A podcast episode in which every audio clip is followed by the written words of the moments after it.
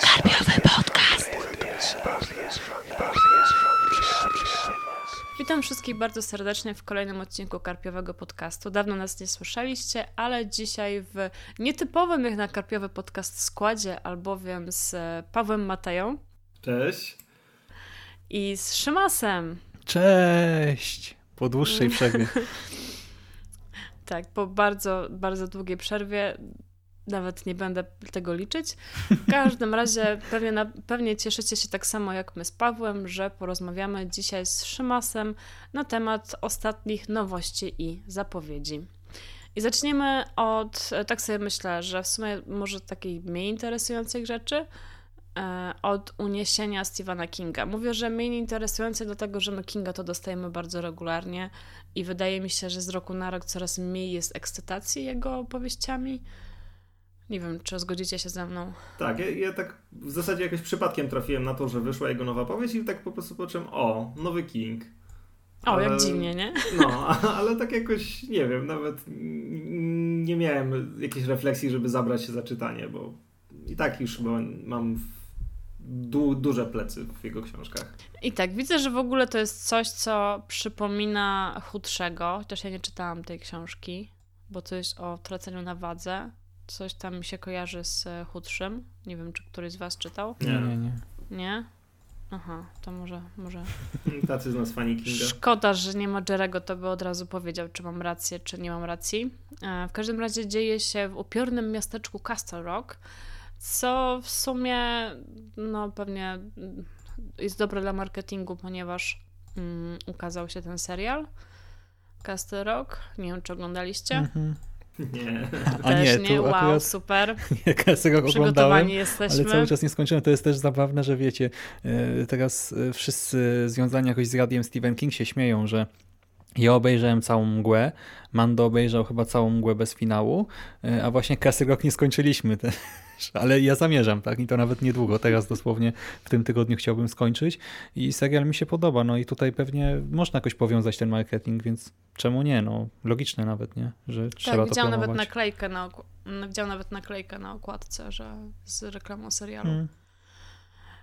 I tutaj w sumie możemy płynnie przejść do czegoś, co też chciałam bardzo leciutko tylko o tym napomknąć, czyli o innym serialu, o nawiedzonym, dlatego że dostałam taką nieoficjalną informację, że strasznie dobrze sprzedaje się ta e, wersja z serialową okładką. Chodzi o książkę Nawiedzony dom na wzgórzu mhm. Shirley Jackson i o serial z Netflixa, który, uwaga, no ma ten sam tytuł, chociaż już okazało się, że jest w zasadzie zły tytuł nie wiem, czy, czy wiecie. Bo, og bo ogólnie w książce było tak, że, mm, że to był dom na wzgórzu, dosłownie, tak? Dom na wzgórzu. Mhm. A w serialu y, istnieli właściciele, nazywali się Hill. Mhm. Więc to A, tłumaczenie tytułu no. powinno być, że nawiedzony dom Hillów. Ale zostawili, no w sumie dobrze, bo to na pewno napędza sprzedaż książki, czyli zostawili ten tytuł z polskiego wydania, z nowego polskiego wydania wydawnictwa Replika. No i właśnie słyszałam, że ponoć jest duży odzew na to wydanie. Ludziom się strasznie podobał serial i, e, i chętnie sięgają po książkę. Co jest dobrą wiadomością po mhm. prostu. Mm. A jeżeli chodzi o sam serial, to co prawda my tutaj niby o książkach mamy gadać, ale bardzo, bardzo, bardzo gorąco polecam, ponieważ to jest, e, właśnie skończyłam w sumie wczoraj. Ostatni odcinek obejrzałam wczoraj rano i uważam, że to jest, no nie wiem, chyba najlepszy horrorowy serial. W tym momencie nie przychodzi mi żaden inny równie dobry. Ale tak w historii mówisz, tak globalnie? tak, tak globalnie mówię. No nie wiem, no może coś tam było. W tym momencie mi nie przychodzi nic, przy, przynajmniej z ostatnich lat nie przypominam sobie tak dobrego serialu. Hmm. E, ja jestem gdzieś w połowie w tej chwili i no bardzo mi się podoba, ale nie znowu tak, żebym jakoś tam no, całkiem padał na kolana. Będzie lepiej, nie? W sensie on się rozkręca. Tak? Wbrew pozorom. Tak, znaczy, rozkręca się. Zwłaszcza tak, jeżeli chodzi no... na przykład o montaż. Montaż tam jest momentami taki, że wow dostałem coś, znaczy z góry jakby wiedziałem, bo, bo o tym dużo się mówiło, ty, ty wspominałeś, że, że serial ma mało wspólnego z książką, ale mimo wszystko ja jakoś spodziewałem się, że dostanę taką historyjkę o nawiedzonym domu mimo wszystko, nie? Taką że ludzie sobie wejdą do środka i coś ich będzie straszyć przez ilość odcinków. A tutaj dostajemy coś totalnie innego. Ja po prostu po pierwszym odcinku nie bardzo wiedziałem, co mam zrobić z tym, co dostałem i jak mam to sobie przy, przyswoić. E, ale tak z odcinka na odcinek rzeczywiście coraz bardziej mi się podoba i no nie no, generalnie to, to, to jest bardzo dobre, tylko inne zupełnie niż można by się spodziewać tak e, po samym, nie wiem, tytule. No nie wiem, po tytule to bym jakby niewiele bym próbowała wynieść e, z samego tytułu, natomiast e, no tak, to jest zupełnie inna historia niż, czy, tak, to zupełnie inna historia niż w książce. W zasadzie to nie do końca rozumiem i to też mówiło mi wiele osób, że nie do końca e, rozumieją, dlaczego w ogóle to jest powiązane z książką Shirley, że po co twórcy no musieli zapłacić na pewno e, za mhm. prawa do ekranizacji, a to w sumie nie jest ekranizacja i jest dużo nawiązań, e, jest dużo pomysłów, e, także takich globalnych jakby jakichś motywów i tak dalej. Jest mnóstwo jakichś drobnych smaczków, także odniesień do samego życia Shirley. Mm, no taka, taką ulubioną moją jakby anegdotką na temat tego serialu jest fakt, że mm, postać e, Teodory, Tio. E, ona jest lesbijką w serialu. Mam wrażenie, że o tym gdzieś niedawno pisałam. E, ona jest w serialu lesbijką, co oczywiście się niektórym nie podoba, no bo wiadomo, o jej znowu na siłę ciskają lesbijkę do ekranizacji, a tymczasem w samej książce nie wiadomo, czy partner no właśnie to jest taki minus języka polskiego, że u nas partner, no to, to jest wiadomo, że mężczyzna, partnerka, kobieta, tak? A w oryginale jest po prostu partner i to może oznaczać albo kobieta, albo mężczyzna i to nie jest e, e uszczegółowione. E, w polskim tłumaczeniu to się pokazało, ukazało jako po prostu partner, czyli facet. No pewnie tłumaczka uznała, że to jest bardziej prawdopodobne. Natomiast w jednym z pierwszych szkiców Shirley, e, Tio była otwarcie lesbijką. I też jej taka relacja, relacja jaką nawiązuje z Eleonorą e, w, mm, w Hill House jest taka dosyć no, homoerotyczna wręcz, nie? One tam tak, opowiadają, tak że będą razem mhm. mieszkać i coś tam i tak dalej. Także to się nie wzięło znikąd, to ten fakt, że Tio jest lesbijką. I tutaj właśnie takie smaczki, widać, że jakby twórcy odrobili pracę domową, i fajne są te smaczki, natomiast e, faktycznie serial jest o czymś zupełnie innym, ale jest świetny. Także. Ja na pewno polecam. Tak. I bohaterowie są bardzo doskonale rozwinięci, mają mnóstwo backstory e, i aktorstwo jest świetne, e, mhm. montaż jest cudowny, w ogóle piękne są te wnętrza wszystkie, wszystko jest dopracowane po prostu w najmniejszych detalach. Jest trochę ciężko się to ogląda, ponieważ trzeba naprawdę uważnie oglądać ten serial. I nie da się go, e, tak jak ja często oglądam seriale robiąc coś innego, to tego się nie da. Tutaj trzeba cały czas patrzeć e, na to, co się dzieje na ekranie. No i to jest w sumie w nim fajne, to jest w sumie w nim dobre, zwłaszcza w dzisiejszych czasach, kiedy, e, kiedy mamy bardzo rozproszoną uwagę. Tak, no to jest taka po prostu bardzo duża opowieść, y, która dzieje się na dwóch, w dwóch liniach czasowych, które one jeszcze są dosyć chyba poszatkowane, nie? Bardzo, a już pod koniec sobie, to no. trzeba naprawdę ogarniać, co tam się mhm. dzieje i kiedy. Tak, także na bieżąco faktycznie trzeba sobie to wszystko układać. No, także nie jest to taki serial czysto, właśnie nie wiem, taki, taki do zluzowania się, tylko po prostu taka historia, no nie, nie, w którą nie, się trzeba wgryźć ale też pokazuje tak jakby nowe podejście, znaczy nowe. Może przesadzam, e, ale takie troszeczkę się chyba zmienia postrzeganie e, widza horroru. E, I wydaje mi się, że, że, że twórcy kapnęli się, że może warto jakby zainwestować w tego widza i pokazać mu coś, co jest wymagającego, a nie tylko jakąś papkę no nie wiem, no ja też nie jestem jakby może na bieżąco i pewnie zaraz mi tu Jerry powie, a już, już 10 lat temu było to i tamto i siamto, ale jakoś tak ostatnio dużo jest takich rzeczy, które są dla wymagającego e, fana horroru, chociażby to dziedzictwo, ta Suspiria teraz, którą też właśnie niedawno byłam w kinie. E, i też te taki nawet takie Stranger Things to, to już było horrorem, ale takim właśnie nie, niezbyt, nie takim prostackim, tak? I on osiągnął w ogóle tak ogromny sukces, że że teraz sobie, wydaje mi się, że ta nowa Sabrina w ogóle też, o kurczę, niechcący na podcast się zrobię serialowy, bo w ogóle dzisiaj obejrzałam cały sezon Sabriny i, i też jest właśnie bar bardzo, bardzo, bardzo, o jest tak horrorowa, horrorowa, że o Matko Boska, nie? Naprawdę. Tam jest masa nawiązań mm, do klasyki, do, nie wiem, egzorcysty, ale tam są, ale tam są ale tam są, słuchaj, takie rzeczy, że fakt, że to jest też, montaż jest inny, że to nie jest tak jakby, nie epatuje się pewnymi rzeczami, ale tam był na przykład taki odcinek, gdzie, mm, no nie będą spoilery za bardzo, ale gdzie jest jakiś demon, który e, rzuca zaklęcie na Sabrinę i jej ciotki e, i każda z nich, i a jeszcze ten kuzyn, e, Ambros, każdy ma jakiś zły sen. I te złe sny są tak koszmarne i tak w ogóle mocne, że wow, nie spodziewałam się, nie? Może nie mm. będę opowiadać dokładnie szczegółów, ale po prostu kosmos. Taki, taki najgorszy po prostu.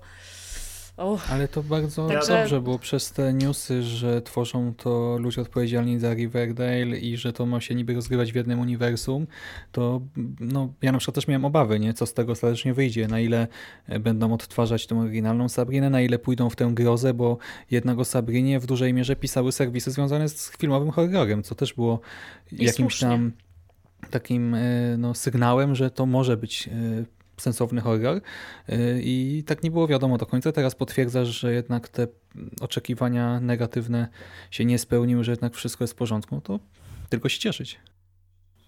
Mhm. No, ja to też mam gdzieś w kolejce i no, ja, ja, naprawdę uważam, że teraz mamy bardzo dobry jakiś taki czas dla filmowego ogólnie horroru. To, to może i książkowy ruszy. Tak, może dlatego... i książkowy ruszy. No, to może, możemy wrócić do książkowego. Tak, tak, wróćmy do książek. E, a jeszcze zostając jakby w temacie filmowym lekko, e, to myślę, że trzeba wspomnieć o adwokacie diabła e, Andrew Niedermana. Mam nadzieję, że Szymas nie będzie na mnie krzyczał, że wymówiłam źle to nazwisko. Z Vespera. E, książka powstała w 1990 roku. E, kilka lat później stała się podstawą scenariusza e, filmu pod tym samym tytułem, który no, wszyscy znamy, tak? Co powiecie? Jesteście zainteresowani tym tytułem, czy niekoniecznie? Znaczy we mnie nie budzi jakiejś większej ekscytacji dlatego, ale to być może dlatego, że ja akurat filmu nie znam. A przynajmniej nie, nie przypominam sobie, czy znam, bo jakoś mam chyba jeszcze dużo zaległości w, takich starych okołogrozowych filmach.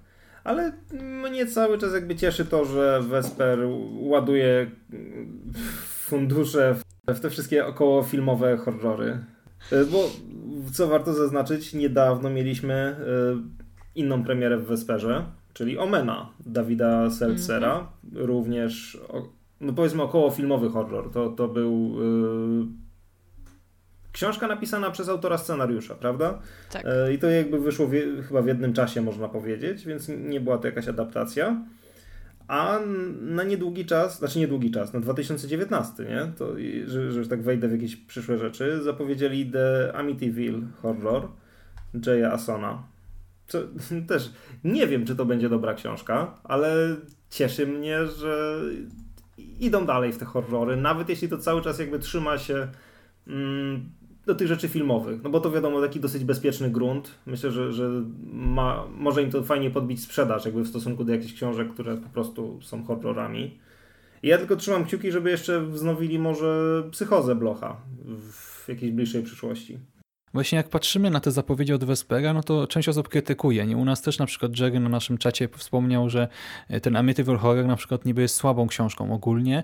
E, Jerry się zajmował e, trochę też tym tematem przy okazji naszej ostatniej prelekcji na Kopernikonie i ja też słyszałem o niej raczej takie średnie opinie, ale mimo wszystko Cieszy mnie to, bo to są pozycje, które z jakichś tam powodów chciały mieć na półce i nawet jeżeli to nie jest wielka literatura, to to są jakieś tam dla nas, y, myślę, ciekawe tytuły, a do tego y, są to też tytuły, które prawdopodobnie się dobrze sprzedadzą, nie? Nawet jeżeli ktoś nie siedzi mocno w literackim horrorze, no to Emityville skąd musi kojarzyć. Adwokata Diabła każdy kojarzy, właśnie Omena y, też, choćby właśnie z jakichś tam mglistych wspomnień z dzieciństwa, czy z samego tytułu zarysu fabuły, więc to się powinno dobrze sprzedać, a dzięki temu może Vesper e, będzie miał kasę też na jakieś później inne, znowu bardziej ambitne rzeczy, nie? Więc to, że tak troszkę mieszają, że z jednej strony dają nam, nie wiem, Lovecrafta e, w tych pięknych wydaniach, a z drugiej strony Amityville Horror, no to nawet dobrze, no bo w sumie też jest jakieś tam zróżnicowanie, wydawnictwo powinno na tym zyskać, a i dla nas to zawsze jakieś ciekawostki, nie? bo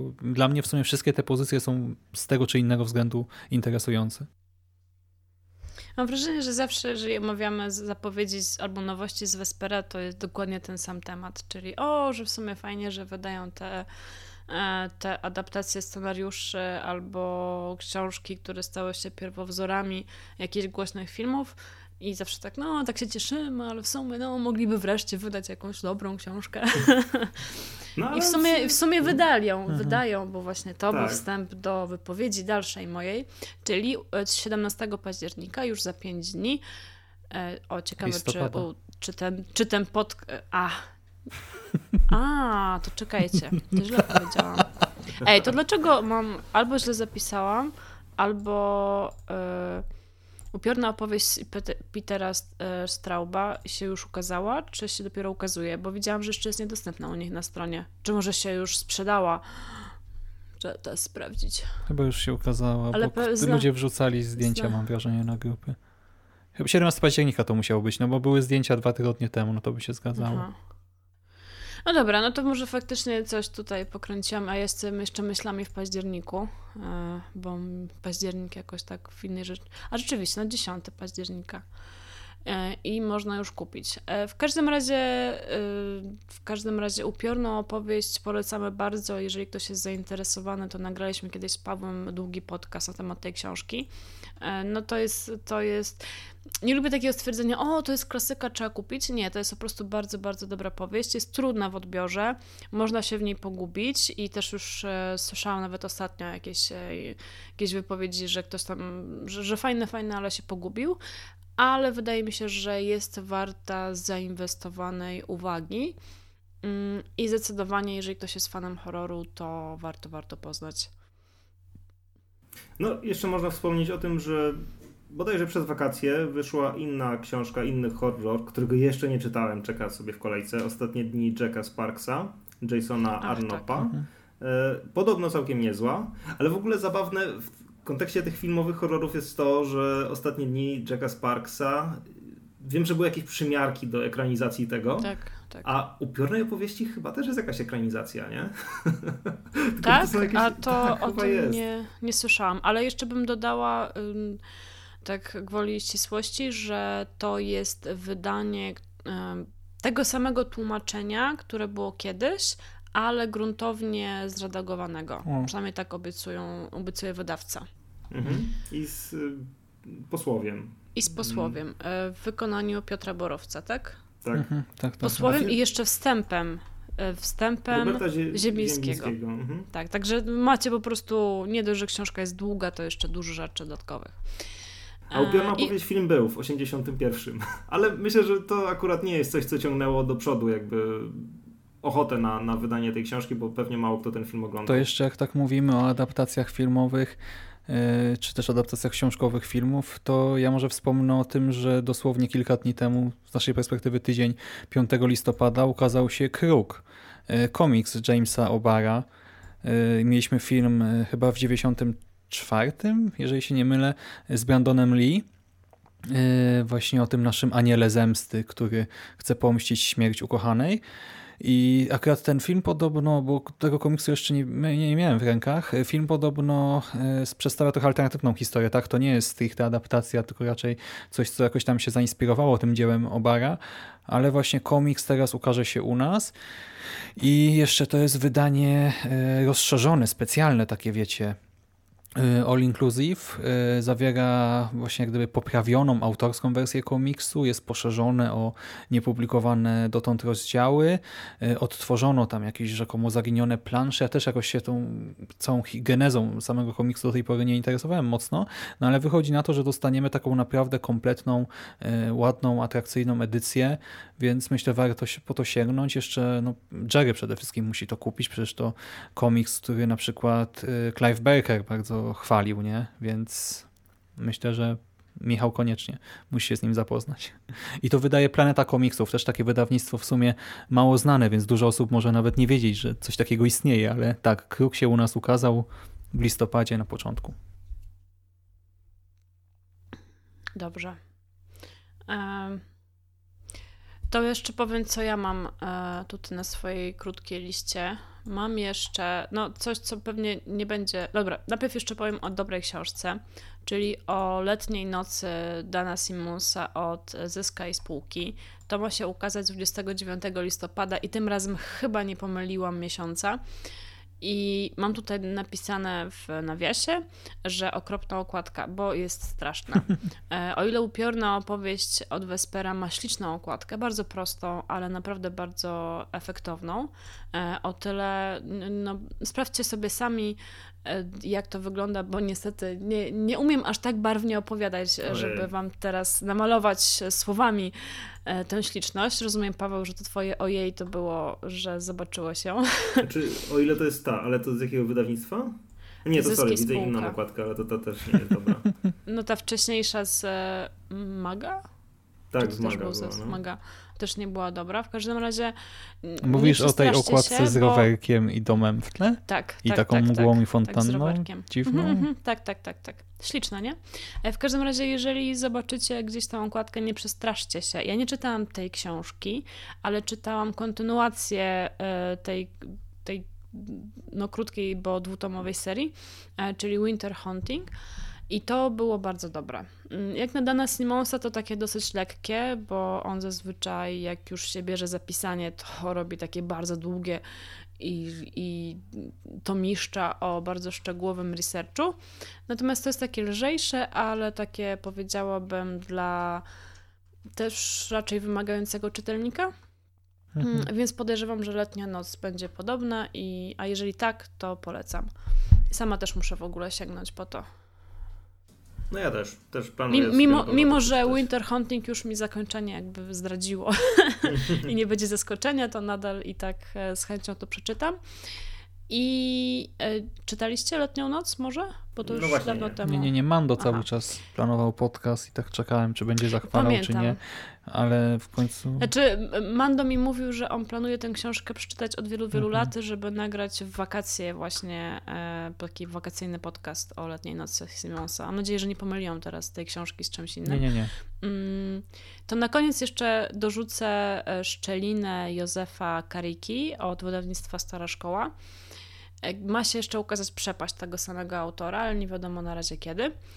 I mogę powiedzieć tylko tyle, że, że przestrzegam, dlatego że czytałam e, Strach Józefa Kariki i to było bardzo, bardzo, bardzo złe.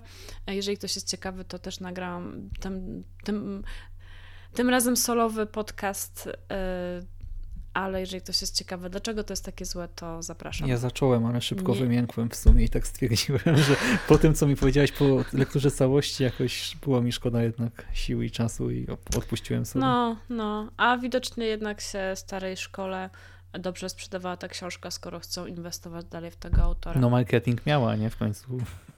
I fajna okładka też. E, no, no w sumie racja. Niestety. Niestety. No, okładka bardzo zachęca a zupełnie nie przystaje do tej powieści, znaczy w sensie jakoś tak jakościowo mi nie, nie pasuje. Także no, no nie polecam. Znaczy podejrzewam, że czy, oczywiście istnieje jakieś tam prawdopodobieństwo, że, że szczelina i ta przepaść będą lepsze od e, strachu. No niemniej czujcie się ostrzeżeni, bo e, strach był bardzo zły.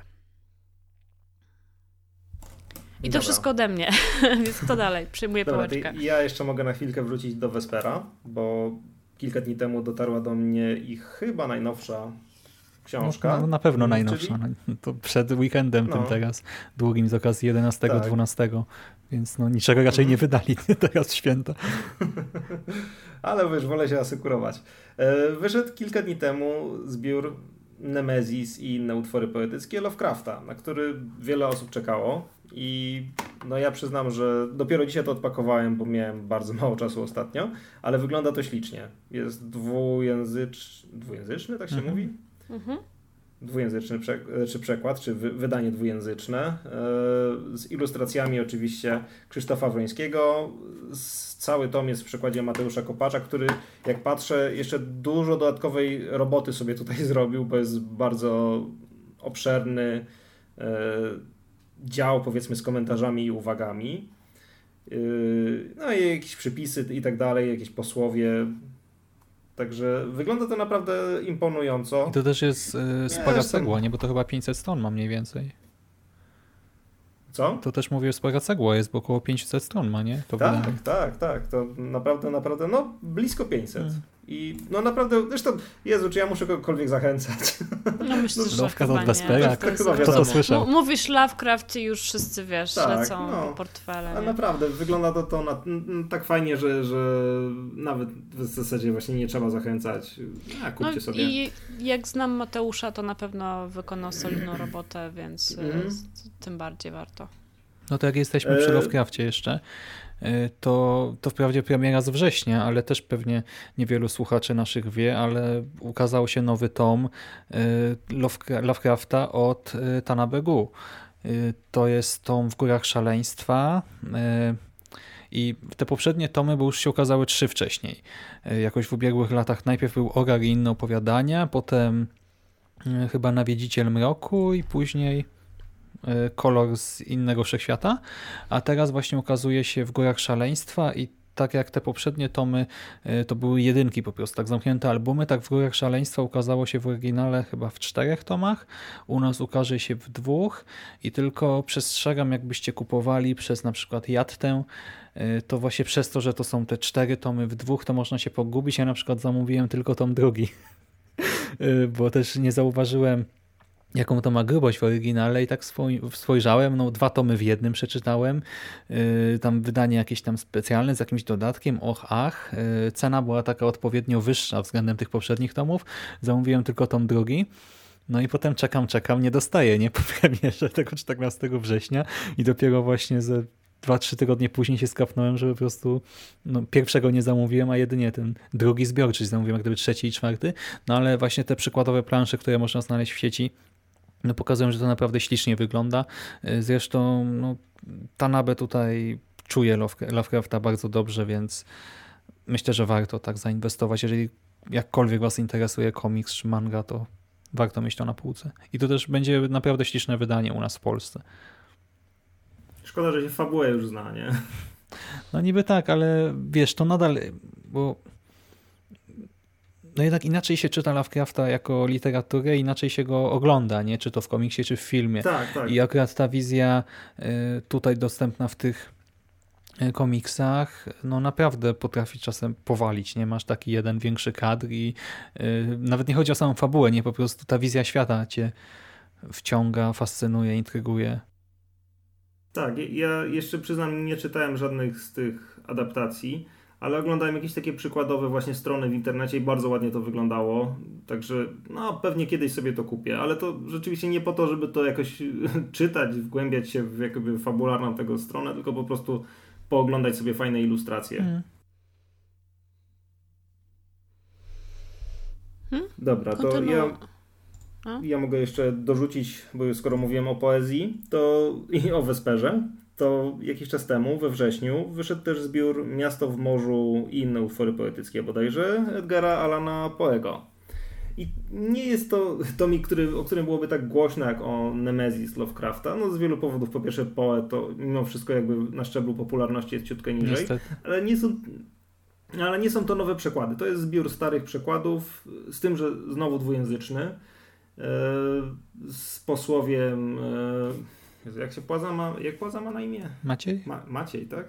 Maciej. No, z posłowiem Macieja Płazy, przekład dwujęzyczny. W, yy, szacie takiej wizualnej, podobnej czy, czy spójnej z tą, którą miały opowiadania e, Poego, które wcześniej wydawał Vesper. Także no, myślę, że dla wielu osób fajna rzecz. Ja już kilka chyba tomów mam poezji Lovecrafta w domu, ale ten pewnie też sobie kupię, dlaczego nie. Fajna sprawa. A skoro już mówię o jakiejś klasyce grozy, no to wiadomo o czym muszę powiedzieć. Muszę powiedzieć coś o CNT. E, w, w październiku, ja to jakby w ogóle muszę mocno zaznaczyć, że wyszły nawiedzenia Vernon Lee. Mocno zaznaczyć dlatego po pierwsze, że ja zapomniałem w ogóle jakby to ogłosić, jak to wyszło i się strasznie z tego powodu wstydzę. Chyba dwa tygodnie później gdzieś wrzuciłem informację, jak już to wszyscy pewnie mieli kupione, ci co chcieli. E, nie znam Vernon Lee. Jeszcze tego nie zacząłem czytać, dlatego że jestem jeszcze na Marion Crawfordzie wędrownych duchach, które są super. E, nie czytałem, ale na przykład Piotrek Borowiec bardzo Vernon Lee polecał. To jest zbiór 186 stron w przekładzie Katarzyny Maciejczuk, która już sporo dla CNT przekładała. W środku mamy cztery takie no, obszerniejsze nowele. cztery. Nie, nie będę tego dzielił 186, ale to takie powiedzmy no, obszerniejsze opowiadania. I no ja się spodziewam, że to będzie fajna sprawa. No tak jak teraz czytam właśnie Crawforda, to jest super zbiór. Zresztą ja się na żadnych chyba scen tutaj jeszcze tak naprawdę nie rozczarowałem. A duża jeszcze szansa, że w tym roku otrzymamy zbiór Pokój na wieży Bensona, na który też już sporo osób czekało. Poprzedni zbiór Widzialne i Niewidzialne, no to był taki kawałek solidnego ghost story i innych takich fajności klasycznych, troszkę klimatów powiedzmy, że Lovecraftowskich ale przede wszystkim jakieś ghost story, było to fajne. E, a Pokój na wieży to wiadomo, no to jest opowiadanie już takie bardzo klasyczne, świetne, e, horror wampiryczny. I jeśli ten zbiór się ukaże jeszcze w tym roku, no to na pewno warto będzie to, e, no jeszcze, jeszcze nie wiem, na święta sobie kupić. Ale to, to, to, czy wyjdzie, to w dużej mierze zależy po prostu od tego, jak się cała seria będzie do tej pory sprzedawać. No to wiadomo, to, to nie jest Lovecraft, że, żeby jakoś e, porywać tłumy, a szkoda. Hmm. No tak, jesteśmy tak przy zapowiedziach, e, to jeszcze z ryneczku komiksowego e, w listopadzie 21 Egmont wyda Palcojada ze scenariuszem Joshua Williamsona i z rysunkami Mike'a Hendersona. To jest taka hmm, nie wiem, historia śledztwa rozgrywająca się w Oregonie e, w sprawie Edwarda Warrena, ale nie tego Warrena, którego kojarzymy z obecności, a seryjnego mordercy zwanego Palcojadem. Też komiks bardzo ciepło przyjęty e, na zachodzie i myślę, że warto się nim zainteresować, a jakiś tydzień później, prawdopodobnie 28 listopada ukaże się jeszcze The Goon, wydanie zbiorcze tom pierwszy.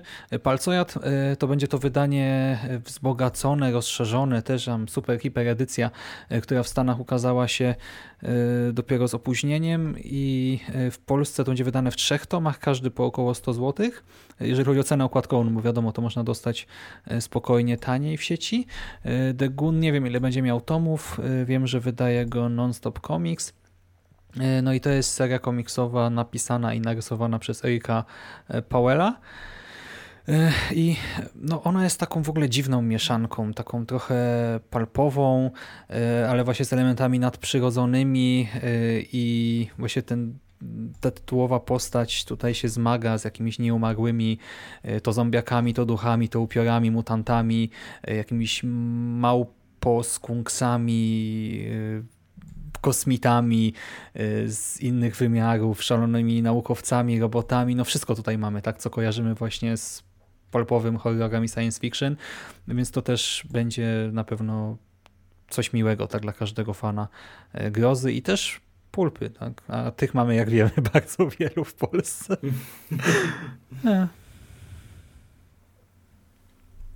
Coś tam jeszcze masz? No nie będę wymieniał wszystkiego, to się ten post napisze.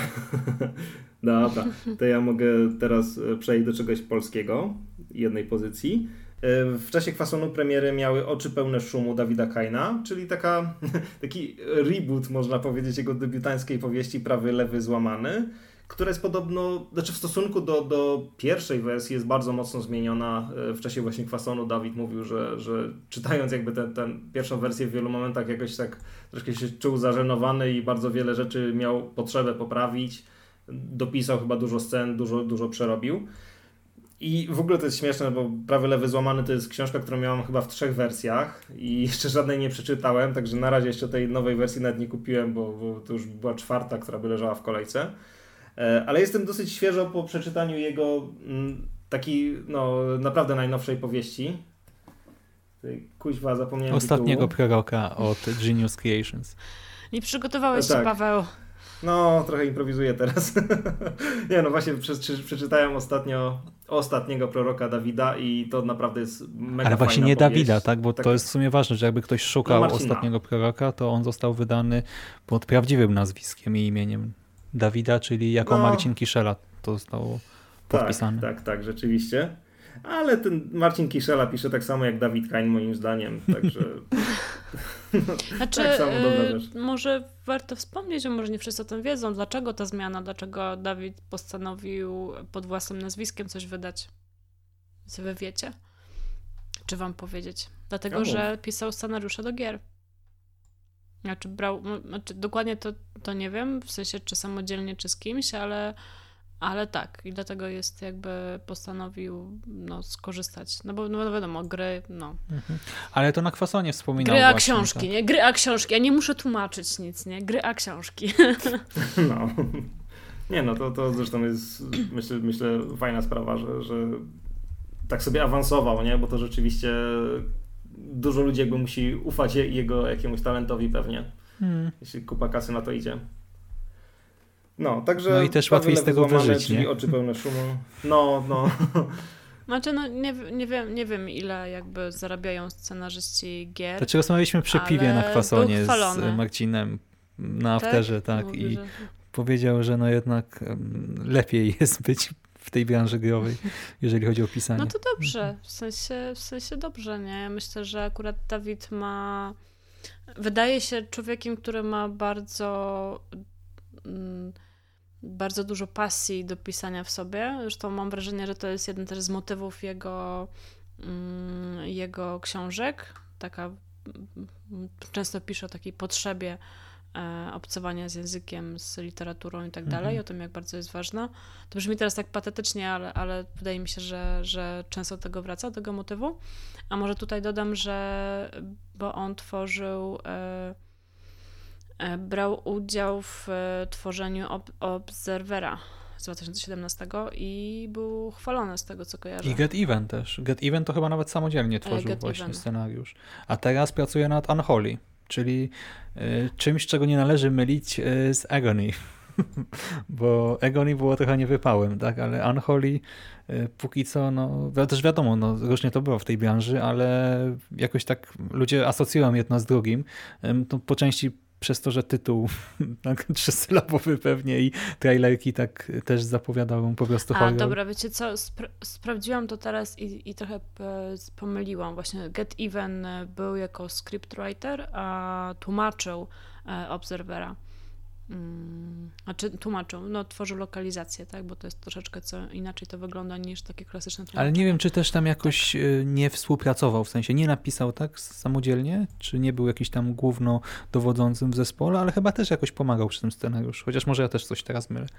Trzeba go o to zapytać. Może trzeba podcast nagrać. No. Z Dawidem. Byłoby ciekawe. Hmm. W sumie to tak powiedziałam, a w sumie na przykładanego by się przydało może. E, pomyślimy o tym. Tak, dobrze. To ja jeszcze jakby wracając do tego, co mówiłem wcześniej. E, powieść akurat Dawida Kaina, Oczy pełne szumu, wyjdą w wydawnictwie 9, które wyszły. Pewnie już kojarzycie z jakichś poprzednich zapowiedzi. No, wyszły.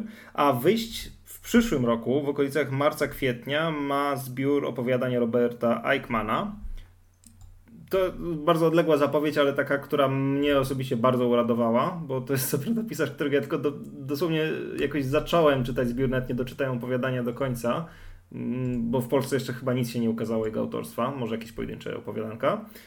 Ale jest to taki pisarz y, o bardzo dobrej renomie wśród fanów czy weirdu, czy jakichś y, opowieści w ogóle niesamowitych, uznawany za, za, jedno, za jedno z takich najlepszych piór horroru takiego z wyższej półki, powiedzmy. Także może to być naprawdę jedna z ciekawszych zapowiedzi na już 2019 rok. No i trzymam kciuki za to, żeby to rzeczywiście się okazało, żeby, żeby wszystko tam fajnie zagrało. Hmm.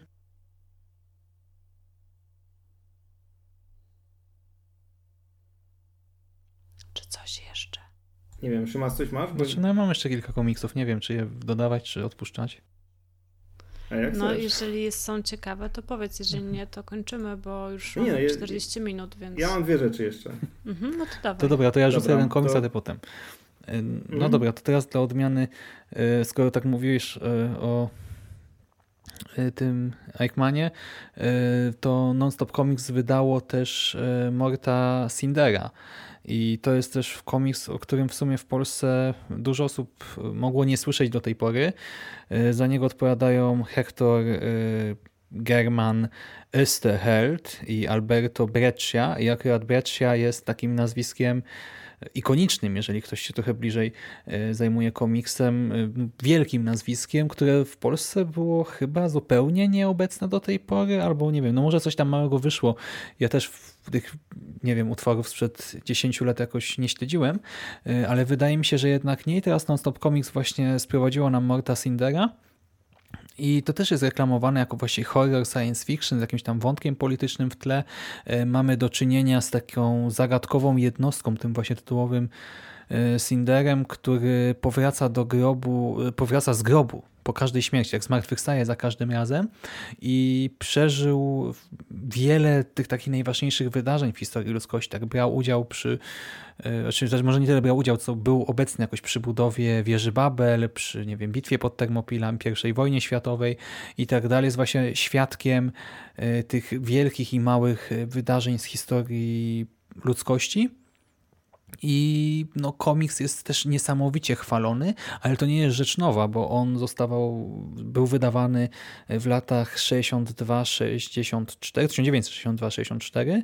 Ukazało się 9 albumów i prolog, czyli w sumie no 10 tomów. Nie wiem jak to będzie, jak to u nas zostało wydane, czy ten pierwszy album to jest jedyneczka, czy może jakieś wydanie już grubsze, bo też tych nowości z Nonstop Comics od właśnie MFKIG jeszcze nie nabyłem, no ale super, tak, bo to jest naprawdę coś, na co powołują się na przykład Mike Minola, y, Frank Miller i wielu innych takich też współczesnych wielkich twórców komiksowych. Oni właśnie mówią, że Alberto Breccia był dla nich inspiracją, był ich wielkim mistrzem, więc myślę, że to też każdy powinien y, zdobyć. A z takich jeszcze ciekawostek to browar browar Dukla wydaje historie zakrapiane piwem.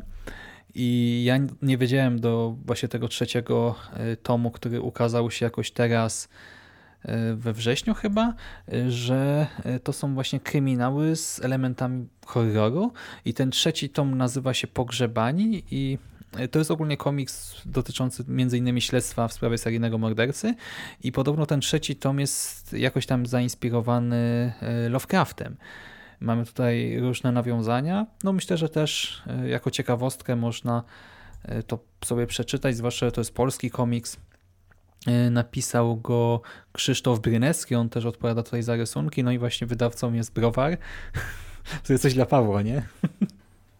No, nie, no, ja się czuję zachęcony do tego. Mm, więc Okładki fajne są. Warto poznać, a w grudniu jeszcze pojawi się Klaus Granta Morrisona, i oczywiście tam ujrzymy innymi Krampusa, więc także coś dla fanów grozy. Może nie tak stricte, nie? Bo to nie jest horror oczywiście, ale jakieś tam elementy e, dla nas ciekawe też się e, znajdą i właśnie tutaj scenariusz Granta Morrisona, rysunki e, Dana Mory, premiera w grudniu, więc akurat na święta, jakby ktoś miał ochotę coś takiego tak jak Skóra nie ma te swoje filmy zimowe, filmy letnie, leśne i inne, no to tutaj Klaus na zimę idealny będzie na święta. Okej, okay. to jeszcze ja może rzucę dwie rzeczy już spoza beletrystyki czy jakichś komiksów. E, pierwsza rzecz, myślę, że dosyć ciekawa, to siódmy tom perspektyw po nowoczesności z wydawnictwa Fakta Ficta, czyli Groza i Postgroza. Zbiór tekstów naukowych na temat grozy i postgrozy, e, który ukazał się w otwartym dostępie w formatach PDF, EPUB, MOBI, czyli to co karpie lubią. Można sobie to za darmo pobrać ze strony wydawnictwa. I ja tak dosłownie sobie przejrzałem to, przeczytałem kawałek wstępu, zapowiada się bardzo fajnie. Jest to naprawdę obszerna publikacja, teksty jakichś polskich badaczy zagranicznych, jest trochę o klasyce, trochę o jakichś współczesnych rzeczach, o różnych mediach. Także zachęcam. Ja, ja mam zamiar to przeczytać w całości, nie wiem ile mi to zajmie, ale, ale zapowiada się fajnie. Ostatnia rzecz, jaką mam, to już w ogóle nie jest nic do czytania, to jest coś do słuchania, ale jakoś tak czuję, że warto o tym tutaj wspomnieć. Szymas pewnie może się domyślać, o czym mówię, a mówię o mutylatorze słonia, czyli polskim horrorkorze, czyli takim gatunku hip-hopu, e, który jest mocno osadzony w horrorze. Jest to album, który ukazał się 5 października. No, Słoń to jest chyba taki mm, najpopularniejszy i, i pewnie najlepszy przedstawiciel e, horrorkoru w Polsce. No na chwilę obecną to absolutnie, nie? No bo w sumie znaczy jest jakaś tam konkurencja, ale w sumie ja no. tych najmniej, tych jakichś takich bardzo mało znanych twórców też nie śledzę, ale z tych, co się bardziej wybili, czy jakoś tam współpracują z Brain Dead Familia, to no, tam nie ma konkurencji dla Słonia jednak. No, no. I album jest naprawdę fajny. Jest tam kilka takich po prostu historyjek takich wprost, że to nie, nie są, znaczy bo Słoń bardzo lubi robić takie teksty, gdzie troszkę, ja bym powiedział, Kazik się przerzuca różnymi takimi frazami, które mają, które są same w sobie fajne, ale nie budują jakiejś spójnej całości, ale zawsze wrzuca też kilka E, takich narracji muzycznych. Takich tekstów, nie? tak, tak, takich, takich, takich właśnie spójnych narracji, które tutaj na przykład e, dwie w zasadzie łączą się w jeden utwór dotyczący UFO, inny mhm. kanibalizmu, i, I naprawdę fajnie się tego słucha. No, mam wrażenie, że on z płyty na płytę właśnie coraz lepiej czuje takie rzeczy. I nie wiem, coś tam czasem słychać o tym, że Słoń też jakoś przymierza się do napisania jakiejś książki, jakiejś, nie wiem, czy powieści, czy zbioru opowiadań. Przyznam, że byłbym bardzo ciekaw, jakby to wyszło. Nie wiem, może, może byłbym się strasznie rozczarował, a może byłaby to jakaś książka roku, bo on ma naprawdę świetną wyobraźnię, świetnie czuje słowo. Nie wiem, czy tak dobrze czuje prozę jak e, rapowanie, ale no, na razie mamy mutylatora, mutylator jest super, także polecam. Ale o tej książce to były jakieś oficjalne nowinki, bo ja tam kiedyś czytałem taki artykuł, ale to wyglądało jak taka, wiesz, totalna jakaś plotka na zasadzie, że bardziej myślenie życzeniowe, dlatego teraz mnie trochę zaskoczyłeś. Czy gdzieś więcej coś ci mignęło? Nie, to jakieś, jakieś, jakieś plotki. Mm, bo w sumie ja też o tym nie, wtedy nie pomyślałem, że z jednej strony wow, tak super pewnie, tylko no, czym innym jest jednak skomponować taki tekst, myśląc właśnie bardziej o rytmie, nie? O melodii tego mhm. wszystkiego, a czym innym jest napisanie dłuższego tekstu prezatorskiego i też ja się obawiam, że to by, gdyby to nie wypaliło, nie? No to, że y, ludzie by właśnie tylko krytykowali i tak dalej, więc może i na razie niech zostanie przy tym, co robi dobrze, czy bardzo dobrze, bo po co psuć sobie PR, nie? Bo tutaj rzeczywiście no, nie widziałem negatywnej recenzji, jeżeli chodzi o te teksty, przynajmniej z takich jakichś sensownych, nie mówię o komentarzach gdzieś tam, wiesz, na YouTubie czy coś, jak czasem się trafi jakiś wariat, ale hmm. feedback był pozytywny. I co? I chyba zmierzamy ku końcowi, nie? Bo no, Myślę, się nagadaliśmy się i zasypaliśmy troszkę tymi książkami słuchaczy. Hmm. Ja w sumie mogę jeszcze na koniec powiedzieć, że jeszcze, bo Mucha Comics przecież istnieje. E, chciałem powiedzieć polskie wydawnictwo, ale ja się jakiś czas temu dowiedziałem, że e, to jest chyba włoskie wydawnictwo, tylko po prostu nazywa się Mucha Comics. I no, nie, no nieważne, w każdym razie to było mi smutno, bo byłem przekonany, że to polska firma, och ach. E, w każdym razie Muszka wydała e, też jakoś pod koniec września e, pierwszy tom Księżycówki. Tutaj też znane nazwiska, bo za scenariusz odpowiada Brian Azarello. Tak, Azarello, a za rysunki Eduardo Risso, więc też taki epicki duet. I panowie tutaj opowiadają historię handlarzy no, wodą, powiedzmy, bo wszystko rozgrywa się w czasach prohibicji, e, gangsterów i potworów, e, nie tylko w ludzkiej skórze. E, to jest taki thriller, ale też bardzo ciekawa rzecz i myślę, że warto się z tym zapoznać. No i to ode mnie to tyle. No, tam jeszcze jakieś mniejsze rzeczy. Oczywiście cały czas są kontynuacje, nie? bo są serie, które cały czas są wydawane. Nie wiem, BBPO, Hellboy, Kasnodzieja, Saga o potworze z bagien, y, nie wiem, z Mank to Aging, y, Shiki, y, Nonstop Comics jeszcze Monstresy, Odrodzenie wydaje, więc trochę tego jest, ale z takich nowości... Trzymas się, Trzymas nie wytrzymał, nie wytrzymał. Końcu, więc i tak na sam koniec musi zrobić listę, nie? Musi, a Słuchaj, no ostatnie no, 5 minut prostu... jak najwięcej więcej tytułów. Jeszcze bym wspomniał trochę tytułów superbohaterskich, bo dzisiaj taki dzień. W ogóle nagrywamy to w smutnym dniu, bo dzisiaj odszedł Stan Lee. Dlatego ten blok komiksowy musi być tutaj reprezentowany mocno. No, taki smutny dzień. No niestety. No dobrze, to, to tym smutnym akcentem myślę, że możemy skończyć, żeby Szymas jednak nie robił tutaj nam listy wszystkich możliwych komiksów, które wychodzą w najbliższym czasie. E, więc dziękuję Wam za, e, za podcast, za nagranie podcastu, a słuchaczom za uwagę. Mam nadzieję, że dotarli do tego momentu i słyszymy się, mam nadzieję, że niedługo. Do usłyszenia, cześć. Cześć. Cześć. Thank you.